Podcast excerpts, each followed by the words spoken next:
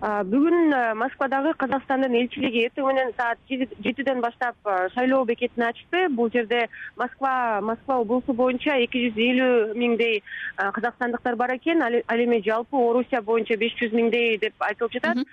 Негизи бул москвадагы элчиликте өтүп жаткан шайлоо тынч жайбаракат өтүп жатат. Мына азыркы саат бул убакытка чейин э, алты жүздөй адам шайлоого келип добушун берди. Бул көбүнчөсү ушул москвада окуган студенттер жаштар көп экен аябай.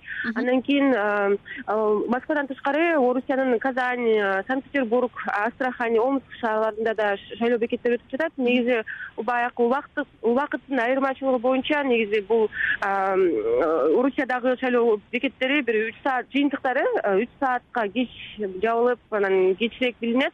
Азыр эми бирок негизи адамдардын маанайы казакстандыктардын маанайы жакшы. Адамдар келип э, тынч жайбаракат э, добушун берип чыгып жатышат. Мындай өзгөчө кандайдыр бир акция уюштургандар же болбосо каршылык нааразылык э, айткандар деле эч ким болбоду. Көбүнчөсү эле ошол ошо тынч өтсүн деп эле тилек менен кетип жатышты